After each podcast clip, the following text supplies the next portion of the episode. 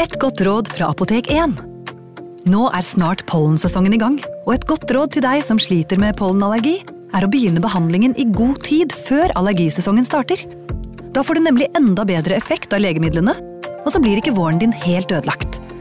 Kom innom og få råd på ditt nærmeste Apotek 1, eller chat med oss på apotek1.no. Apotek 1 vår kunnskap, din trygghet.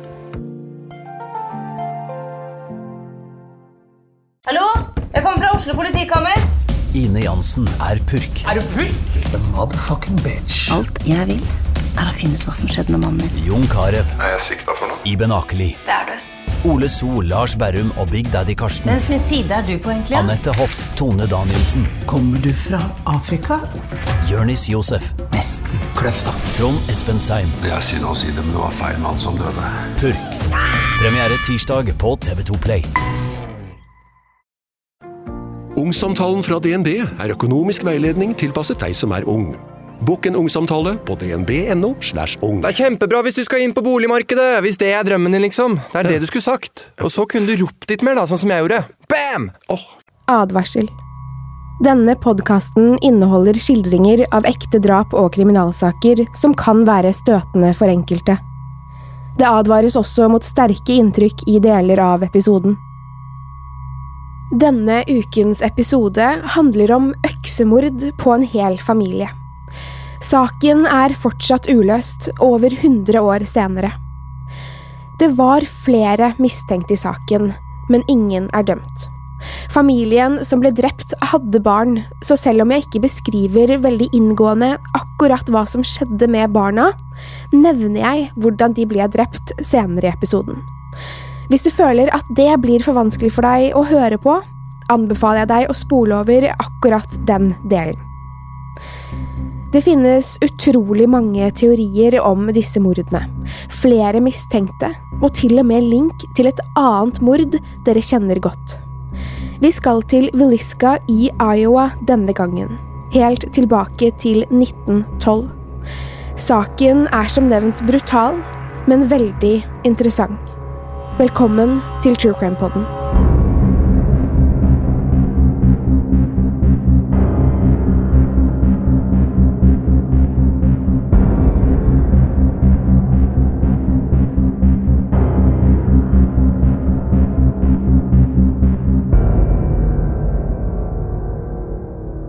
Den 9. juni 1912 hadde 39 år gamle Sarah Moore vært med å arrangere en fest i sin lokale presbyterianske kirke i byen Villisca. Festen ble kalt Children's Day, hvor de hadde leker, sang, spill og servering for kirkemedlemmenes barn. Sarah og de andre kvinnene hadde planlagt dagen lenge, og lykken var stor da festen ble vellykket. Sarah hadde fire barn selv, sammen med ektemannen Josiah Moore. De fire barna, Herman Montgomery 11, Mary Catherine 10, Arthur Boyd 7 og Paul Vernon på 5. De hadde hatt en kjempefin kveld, og de hadde lekt med klassevenninnene Lena og Ina Stillinger på 12 og 8 år. De to jentene var gode venner med alle Moore-barna, og hadde hatt det så morsomt sammen at de spurte om de kunne overnatte hos Moore-familien til neste dag. Dessuten begynte det å bli mørkt, og både Lena og Ina var redde for å gå hjem i mørket alene. Josiah Moore syntes det hørtes hyggelig ut med besøk, men han sier han vil ringe jentenes foreldre først for å høre om de får lov til å overnatte. Josiah bruker telefonen på kirkens kontor for å ringe Stillinger-familien, men foreldrene deres er ikke hjemme. Han snakker med jentenes storesøster Blanche, som sier at hun skal videreformidle beskjeden til foreldrene sine om at Lena og Ina sover hos Moore-familien. Klokken er mange, og arrangementet var ikke ferdig før halv ti på kvelden. Familien Moore og de to Stillinger-søstrene går fra kirken og hjem. De ankommer huset mellom klokken kvart på ti og ti på kvelden, og flere naboer og venner ser dem på veien hjem. Det var siste gangen noen så dem i live. Noe ondt, brutalt, grusomt skulle skje i huset i løpet av natten. Noe som kostet åtte mennesker livet. 10. juni 1912, Villisca, klokken 05 om morgenen. En nabo til Moore-huset er ute i hagen sin denne tidlige morgenen. Hun henger opp en klesvask og legger merke til at det er uvanlig stille i huset ved siden av. Familien Moore er alltid tidlig oppe, og det pleier alltid å være liv og røre i huset. Nesten hver morgen hører hun barnas glade stemmer, mamma Sarah som romsterer på kjøkkenet for å lage frokost til familien. Vanligvis pleier pappa Josiah å være tidlig ute for å slippe hønene ut i bakgården, men ikke i dag. I dag er Moore-huset helt stille, noe som er veldig uvanlig. Naboen tror de har bestemt seg for å sove lenge, og går inn til sitt eget hus igjen. Hun lager seg frokost og pusler litt rundt før hun går ut i hagen igjen. Det er fortsatt stille i nabohuset, og klokken nærmer seg syv. Hønene er heller ikke sluppet ut, og naboen bestemmer seg for å banke på døren for å spørre om alt står bra til med dem. Om de har blitt syke, skulle de kanskje trenge litt hjelp. Hun banker hardt på døren. Ikke en lyd innenfra. Hun lytter en liten stund, før hun banker igjen. Hallo, roper hun, men ingen svarer. Rart, tenker hun, og snur seg mot hønene. De står klare inne i buret sitt, og naboen bestemmer seg for å slippe dem ut. Hun åpner buret, og hønene løper ut, men ingen rører seg inn i huset. Naboen går inn til seg selv igjen og tar opp telefonen. Hun slår nummeret til Rossman Moore, Josiahs bror, som bor bare noen minutter unna. Kvinnen forteller Ross at hun ikke får kontakt med familien, og ber han komme over og sjekke. Ross spaserer mot brorens hus med en gang. Det er nemlig ikke likt broren og kona å ikke stå opp om morgenen. De er arbeidsomme mennesker som alltid starter dagen tidlig. Huset er alltid fullt av liv, så at ingen rører seg der inne eller åpner døren, bekymrer han. Nabokvinnen står i hagen utenfor huset når han ankommer adressen. Han går opp de få stegene mot ytterdøren og banker hardt i den flere ganger. Han legger øret mot døren, men kan ikke høre noen ting. Hallo? roper han mens han banker igjen. Han river i dørhåndtaket, men døren er låst. Han rykker i den et par ganger mens han banker, før han stikker hånden ned i bukselommen.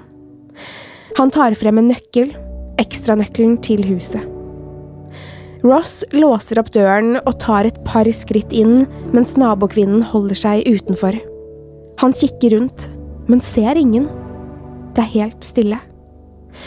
Ross går mot det første gjesterommet, hvor døren står på gløtt. På sengen ligger to personer dekket av blodige laken. Det er både blod og hjernemasse på sengegavlen, og det lukter stramt av blod, en metallisk lukt som ikke er til å ta feil av. Forferdet tar Ross noen skritt tilbake og ut døren igjen.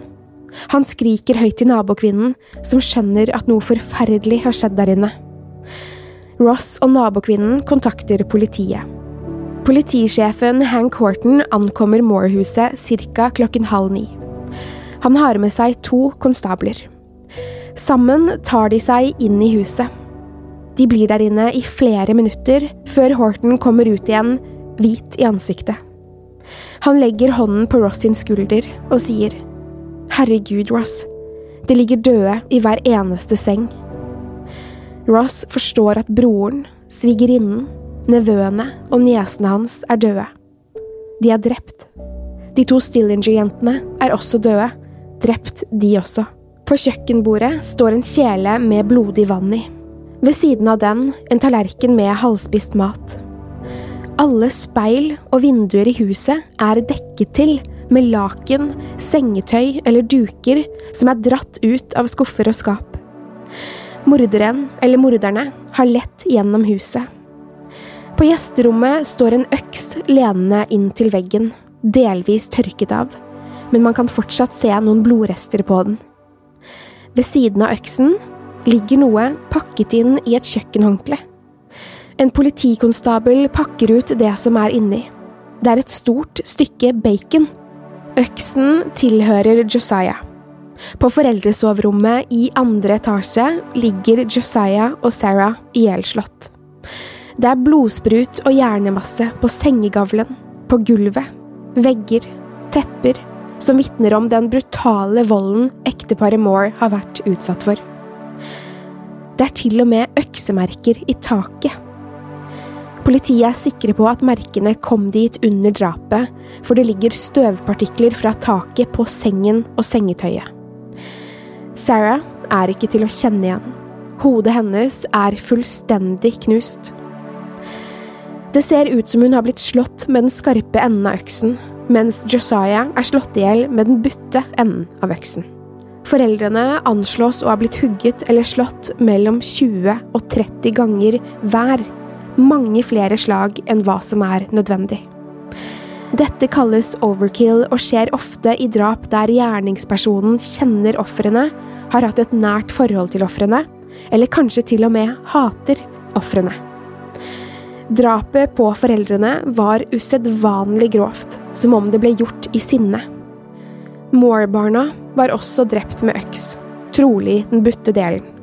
De var ikke drept med like mange slag som på foreldrene, men de var likevel nesten ugjenkjennelige.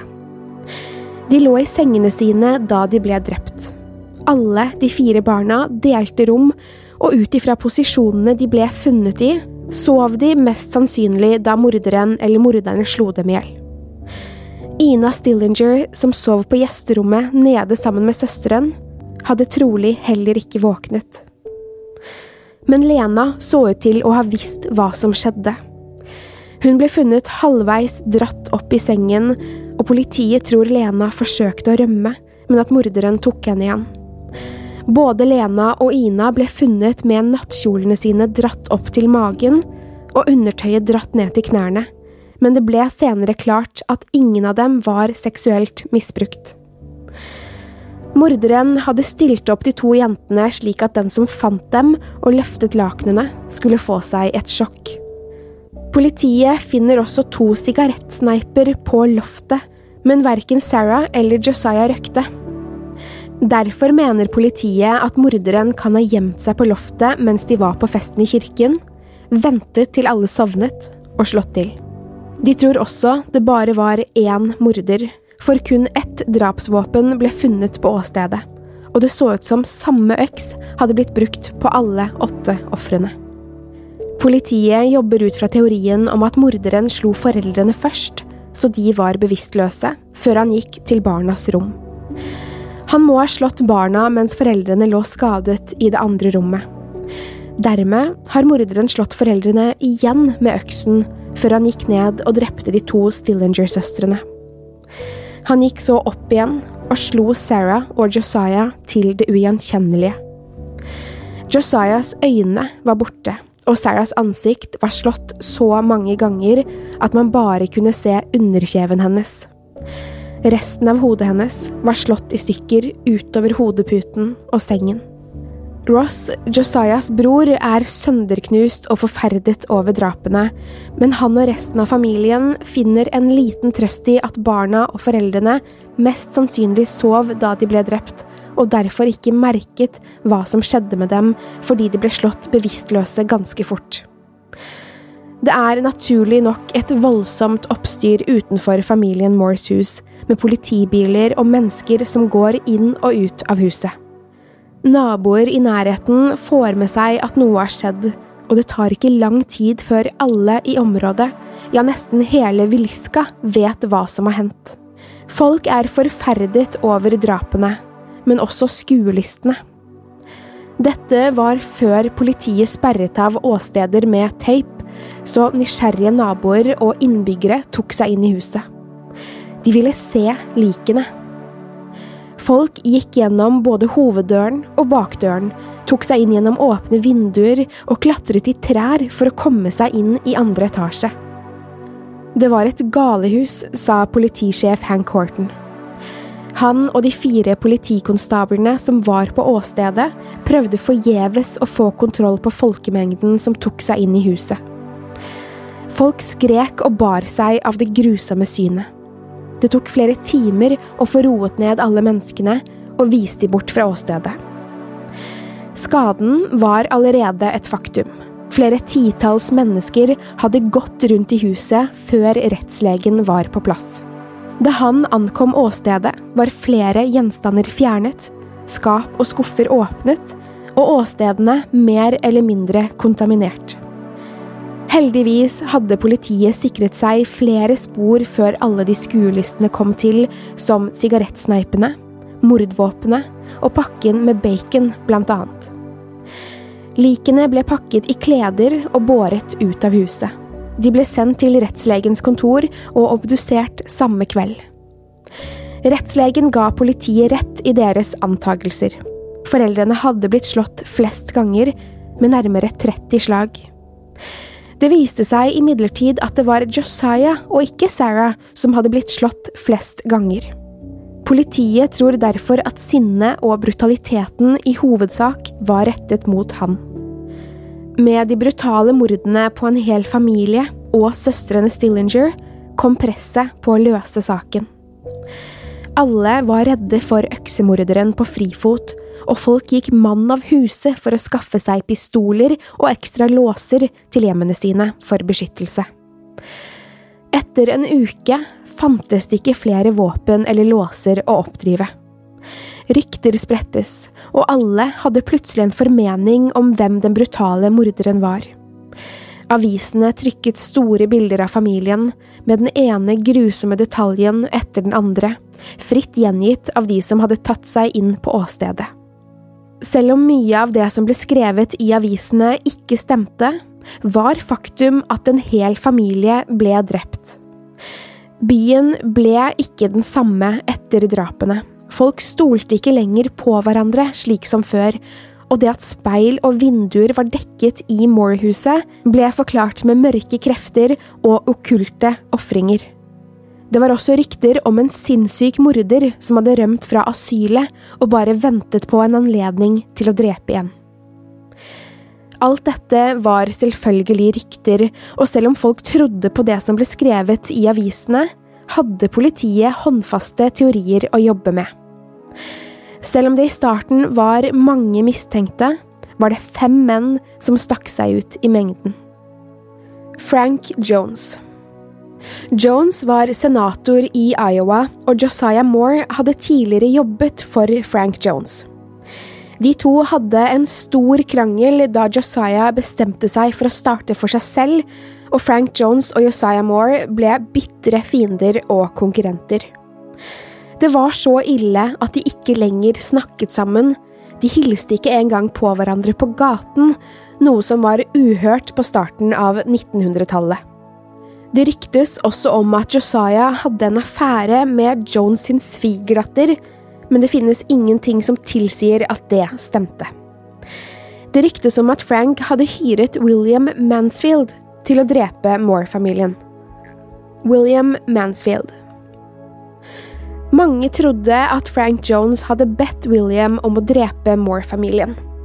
William var også mistenkt for å ha drept sin egen kone, deres spedbarn og svigerforeldrene med nettopp øks. Han var også mistenkt for andre øksemord i delstatene rundt Iowa, fordi han hadde vært i byene da drapene fant sted. På åstedet der Mansfields familie ble drept, var vinduene og speilene i huset dekket med laken. De andre drapene Mansfield var siktet for, var øksemord i to byer i Kansas, ett i Colorado, to i Illinois, det ene altså på sin egen familie, som for øvrig skjedde to år etter Willisca-mordene. Mansfield ble nemlig mistenkt i saken to år etter at drapene på Moore-familien fant sted. Alle mordene Mansfield var mistenkt for, var i nærheten av togstasjoner, og Mansfield likte å reise med tog. Han var ofte borte i uker og måneder, og ingen visste helt hva han gjorde på disse reisene. Alle mordene han var mistenkt for, var utført på samme måte. Speil og vinduer dekket. Alle ofrene var brutalt drept med øks. En potte eller kjele ble ofte funnet med blodig vann i, trolig fordi morderen hadde vasket av seg ofrenes blod. Det var ingen fingeravtrykk på åstedene, og politiet tror morderen brukte hansker. Det er litt interessant, for Mansfield var en kjent kriminell som hadde vært arrestert flere ganger for fyllebråk, tyveri og dårlig oppførsel. Fingeravtrykkene hans var i politiets register, og de mener han kan ha vært nøye med å ikke legge igjen spor etter seg selv av dette. Hadde politiet funnet fingeravtrykk, ville han ha blitt tatt. Dette var selvfølgelig politiets teori, for de tekniske bevisene var få. Nå var selvfølgelig dette på tidlig 1900-tallet, og bevis på den tiden var som oftest fingeravtrykk og øyevitner, og i noen tilfeller blodige klær hvis det fantes. Det ble også rettssak mot Mansfield, men påtalemyndigheten hadde ingen sterk sak mot han. Selv om mange trodde at Mansfield hadde drept Moore-familien, kom et nytt bevis frem. Mansfield hadde sittet arrestert i Illinois da drapene på Moore-familien ble utført, og akkurat den saken frafalt. Senator Jones fulgte saken nøye, og da saken mot Mansfield ble henlagt, var Frank Jones den første til å peke ut en annen mistenkt, en prest. George Kelly. George Kelly var en merkelig fyr. Han var prest og predikant, og kjent for å være litt ekkel. Han spurte ofte unge kvinner om de ville posere nakne for han, og han hadde flere ganger blitt anklaget for kikking og skal ha vært mentalt syk. Kelly hadde perioder med alvorlig psykisk sykdom i sin ungdom, og hadde vært innlagt på psykiatriske sykehus flere ganger i England der han var født og oppvokst. Han ble dessverre aldri behandlet for sine psykiske lidelser, og selv om det ikke står noe sted hva han led av, er det flere dokumentarer som spekulerer i om han var schizofren. Kelly reiste rundt i USA for å tale Guds ord, men hadde ikke særlig suksess med det. Han var på Children's Day-festen den 9. juni 1912, samme fest som Sarah Moore arrangerte samme fest som Moore-familien var på. Det mange fant mystisk, var at George Kelly plutselig reiste morgenen etter, ca. klokken fem om morgenen. Han hadde egentlig planlagt å bli i Villisca lenger, men reiste helt plutselig. Han tok toget videre og snakket om mordene med flere av togpassasjerene før likene var oppdaget. I dagene og ukene som fulgte, var han besatt av mordene. Han snakket om dem hele tiden med andre predikanter, og sendte brev til både politiet i Veliska og familiemedlemmer av ofrene for å spørre om de kunne hjelpe han med flere detaljer om hva som hadde skjedd. Politiet fattet mistanke mot Kelly og bestemte seg for å svare på brevet hans. Kelly hadde nevnt mange ganger detaljer ingen andre skulle ha visst om, og politimannen som skrev brevet tilbake, spurte om han visste noe mer som kanskje kunne hjelpe politiet. Kelly svarte på brevet til politimannen og oppga enda flere detaljer, noen som stemte, og andre som var helt på villspor. I 1914, to år etter mordene på Moore-familien, ble Kelly arrestert for å ha seksuelt trakassert en kvinne og hadde sendt upassende bilder av seg selv til henne. Han ble sendt til et mentalsykehus i Washington DC, og politiet begynte igjen å se på Kelly som mistenkt i veliska-mordene. De intervjuet han flere ganger, men han innrømmet aldri å ha drept Moore-familien med øks helt til de arresterte han i 1917 og fikk gjort ordentlige avhør av mannen. De truet han, sultet han og lot han ikke sove, og til slutt tilsto George Kelly mordene. Etter siktelsen og noen dager i vanlig fengsel hvor han fikk mat og søvn, trakk han tilståelsen og sa han ble truet til å si han hadde drept familien Moore med øks. Kelly måtte gjennom to rettssaker, men ble ikke dømt for morddrapene. Men det fantes flere mistenkte i saken. Andy Sawyer var en omstreifer som hadde vært i Villisca da drapene fant sted. Han hadde sett skitten og stresset ut i dagene etter drapene. Hver gang det sto noe om øksemordene i avisen, stjal han den og gjemte seg for å lese avisen selv. Sawyer var voldelig og hadde alkoholproblemer. Han hadde brutt seg inn i flere hus i området rundt Villisca, men politiet fant ut at Sawyer var i drukkenskapsarrest den kvelden familien ble drept. Den siste mistenkte var en mann ved navn Henry Lee Moore. Selv om han delte etternavn med de drepte, hadde de ingen relasjon, familiær eller sosial for den saks skyld. Han var dømt for å ha drept sin egen mor og bestemor med øks, noen måneder etter øksemordene i Villisca. Han var altså en dømt øksemorder. Han var mistenkt for flere øksemord, han også, som hadde skjedd både før og etter drapene på familien Moore, faktisk de samme mordene William Mansfield var mistenkt for. Blant annet tror noen at han også er øksemorderen i New Orleans. Øksemordene i Veliska er uløste. Ingen er dømt for drapene, og det finnes ingen soleklar mistenkt, heller mange som kanskje kan ha drept familien. Men i en sak hvor motivet er så uklart, er det vanskelig å forstå hvorfor akkurat Moore-familien og de to Stillinger-søstrene ble ofre for de brutale drapene. Det virker som om morderen ventet på familien hjemme. Han hadde sittet på loftet og ventet helt til de sovnet, før han slo til. Han hadde røkt et par sigaretter der oppe.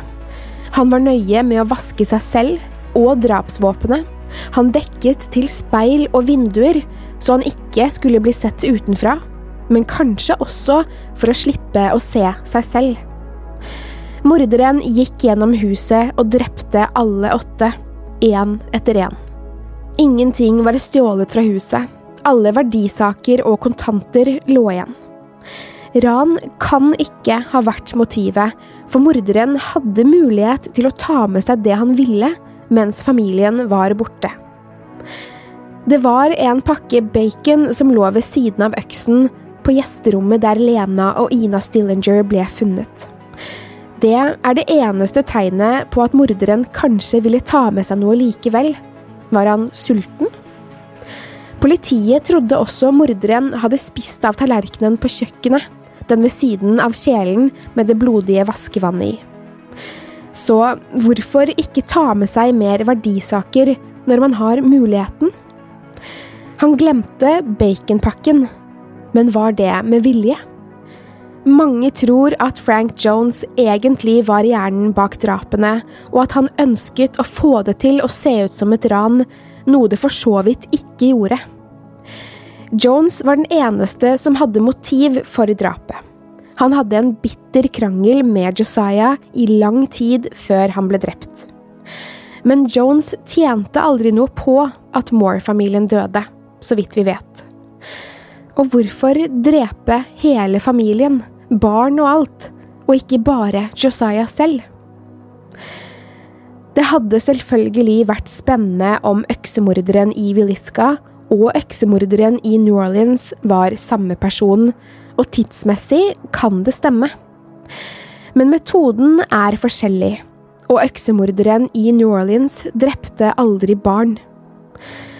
Om det er samme person, har den personen kommet unna med drap i alle disse årene.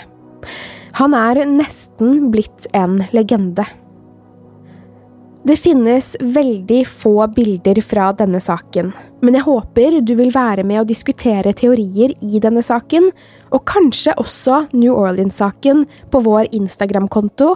Der heter vi True Crime Norge. Vi elsker når dere legger ut bilder på storyene deres av hva dere gjør mens dere hører på True Crime-podden, og selvfølgelig spesielt bilder av dyrene deres. Tusen takk for innsendelser, vi håper dere fortsetter med det. Jeg håper også vi sees på liveshow på Østsida studenthus i Kristiansand den 26. april, og Bluebox i Grimstad den 27. april. Det blir noen mordhistorier, og mulighet til å stille spørsmål til både meg og produsent Håkon Bråten. Det finnes noen få billetter igjen, og jeg vil veldig gjerne møte dere.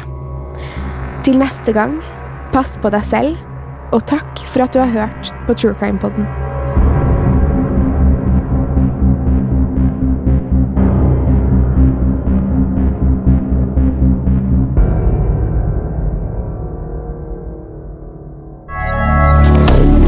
Moderne media. Har du et enkeltpersonforetak eller en liten bedrift? Da er du sikkert lei av å høre meg snakke om hvor enkelt det er med kvitteringer og bilag i fiken, så vi eh, gir oss her, vi. Fordi vi liker enkelt. Fiken superenkelt regnskap. Hei! Takk for at du lytter til True Crime Podden. Skulle du ønske at du kunne høre en ny episode av denne podkasten hver eneste uke? Vel, da er det bare å laste ned podkastappen Untold med en gang.